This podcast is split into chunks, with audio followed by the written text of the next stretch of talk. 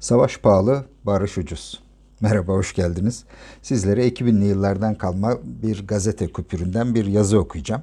Yazıyı e, tıp 6. sınıf öğrencisi yani bir intern doktor olan, o dönemde bir intern doktor olan Serkan Nural kaleme almış. E, bu savaşla ve barışla olan ilgisini de yazı ilerledikçe göreceksiniz. Oldukça güzel bir yazı. E, başı güzel, sonunda da önemli bilgiler var. Beğeneceğinizi umuyorum. E, makalenin adı Stajda İlk Gün. Pediatri çocuk hastalıkları stajımın ilk günü. İçimde müthiş bir heyecan ve merak. Bir yandan sık rastlayabileceğim hastalıkları ve tedavilerini, bir yandan da çocuk hastaya yaklaşımı öğrenmek için sabırsızlanıyorum. Stajımda acili özellikle istemiştim. Yarınlarımız olan çocuklara, bebeklere yapılacak hayat kurtarıcı ilk müdahaleyi kavramak önemli. Çocuk acil polikliğinin geniş ve soğuk salonunda gezinmeye başladım. Hazırda hasta da yokken klinikteki alet ve tıbbi malzemeleri tanımaya çalışıyordum. Tıbbi araç ve gereçlerden bol miktarda var her köşede. Kısa bir gezintiden sonra masada duran hasta dosyalarını karıştırmaya başladım. Son bir hafta içinde acile gelen hastalar bunlar. Acile ateş, ishal, kasılma, bayılma, öksürük gibi sık rastlanan şikayetlerle başvuruluyor. Bir çocuğun dosyasını karıştırırken çocukluğuma gidiyorum. Hasta dosyalarını okurken aklıma çocukluğumun gelmesi sıkça rastladığım bir durum. Bir keresinde karnım felaket ağrıyordu ve sık sık tuvalete gidiyordum. Çok halsizdim ve alnımda yanan bir ateş vardı sanki.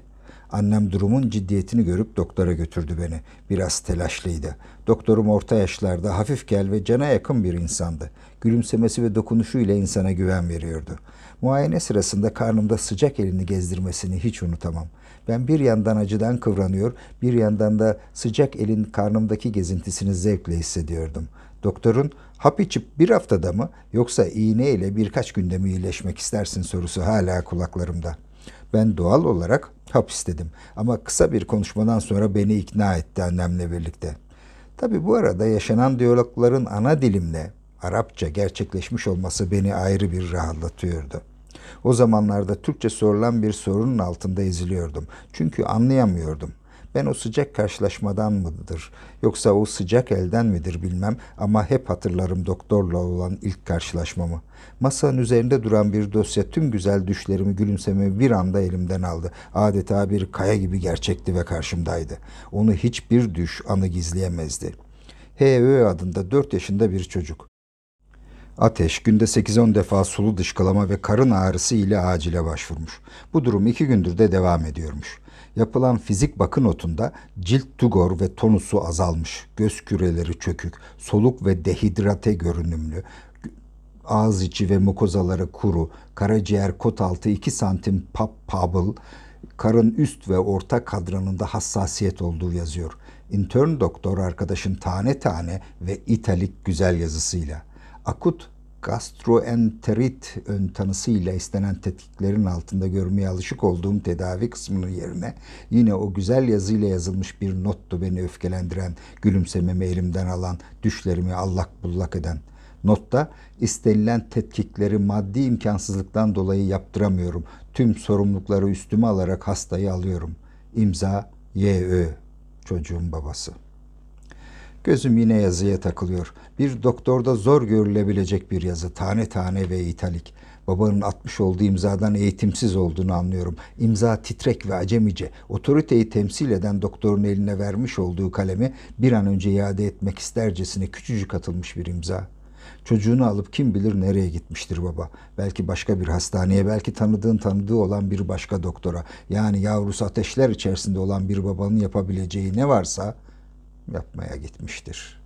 Çocuğu muayene eden asistan doktor bu tablo karşısında ne yapmış bilmiyoruz. Ama belki alışkındır bu durumlara. Başka bir hastaneyi muayene etmeye yönelmiştir. Ya da görevini yapmış olmanın rahatlığıyla odasına çekilip sevgilisine mesaj çekmiştir. Bilmiyoruz. Intern doktor olan arkadaş da muhtemelen çay içmeye gitmiş ve önündeki uzmanlık sınavlarını hazırlık kitabını okumaya koyulmuştur. Bilmiyoruz ama bilinen bir gerçek varsa o da sağlık sisteminin görevini yapmış olmanın rahatlığıyla çocukları yani yarınlarımızı yani geleceğimizi ölüme terk ediyor olduğudur. Üstelik bunu ortak paramızı korunak, korumak adına yapmıştır kuşkusuz. Sağlığa ayırdığı üstelik adaletsizce yüzde dörtlük paranın gittiği yerin belli olması adına bu ve diğer cinayetleri işlemeye devam etmektedir. Bugün ülkede çocukların yaklaşık yüzde kırkı aşılanmıyor. Basit ve önlenebilir hastalıklardan günde yüzlerce çocuk ölüyor. Bunlar birer cinayettir. Sağlık sisteminin yarınlarımızı katlettiği birer cinayet. Cinayeti yalnızca sağlık sistemimiz değil, dünyamızın küreselleşen düzeni de işliyor. Hem de milyarlarcasını. İşte cinayetleri haykıran sayıların çığlığı.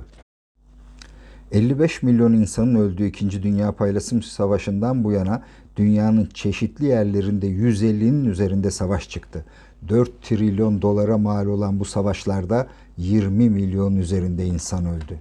Birinci Dünya Paylaşım Savaşı'nda ölen her 100 kişiden 14'ü, İkinci Dünya Paylaşım Savaşı'nda ölen her 100 kişiden 70'i, 1990'lardaki savaşlarda ölen her 100 kişiden 90'ı sevildi.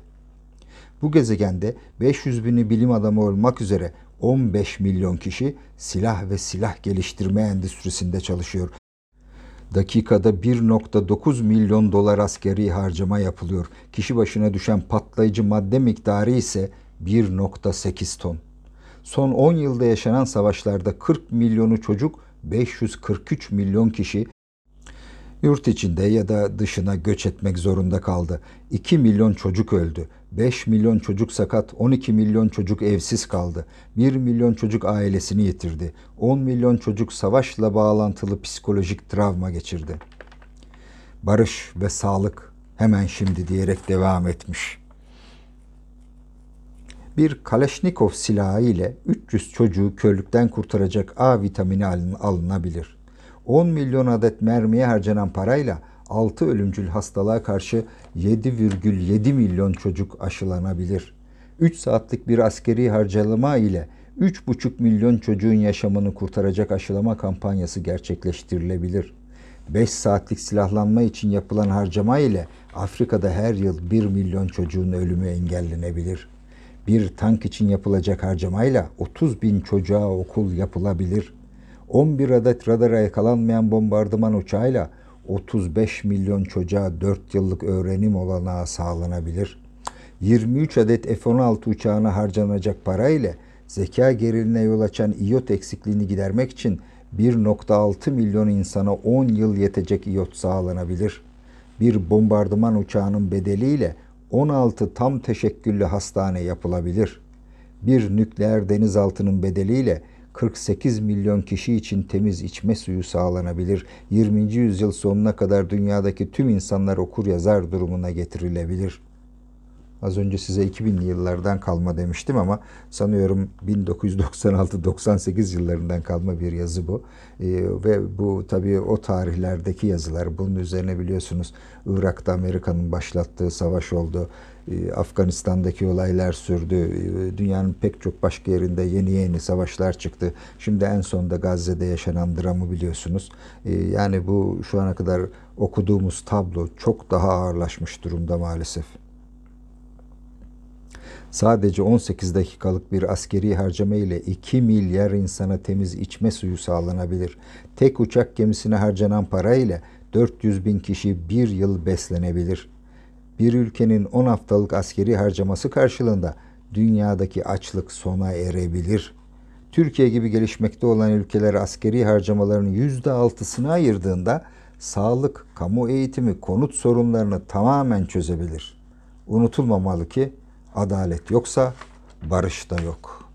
Ve gördüğümüz gibi aslında savaş ne kadar pahalıysa barış da o kadar ucuz.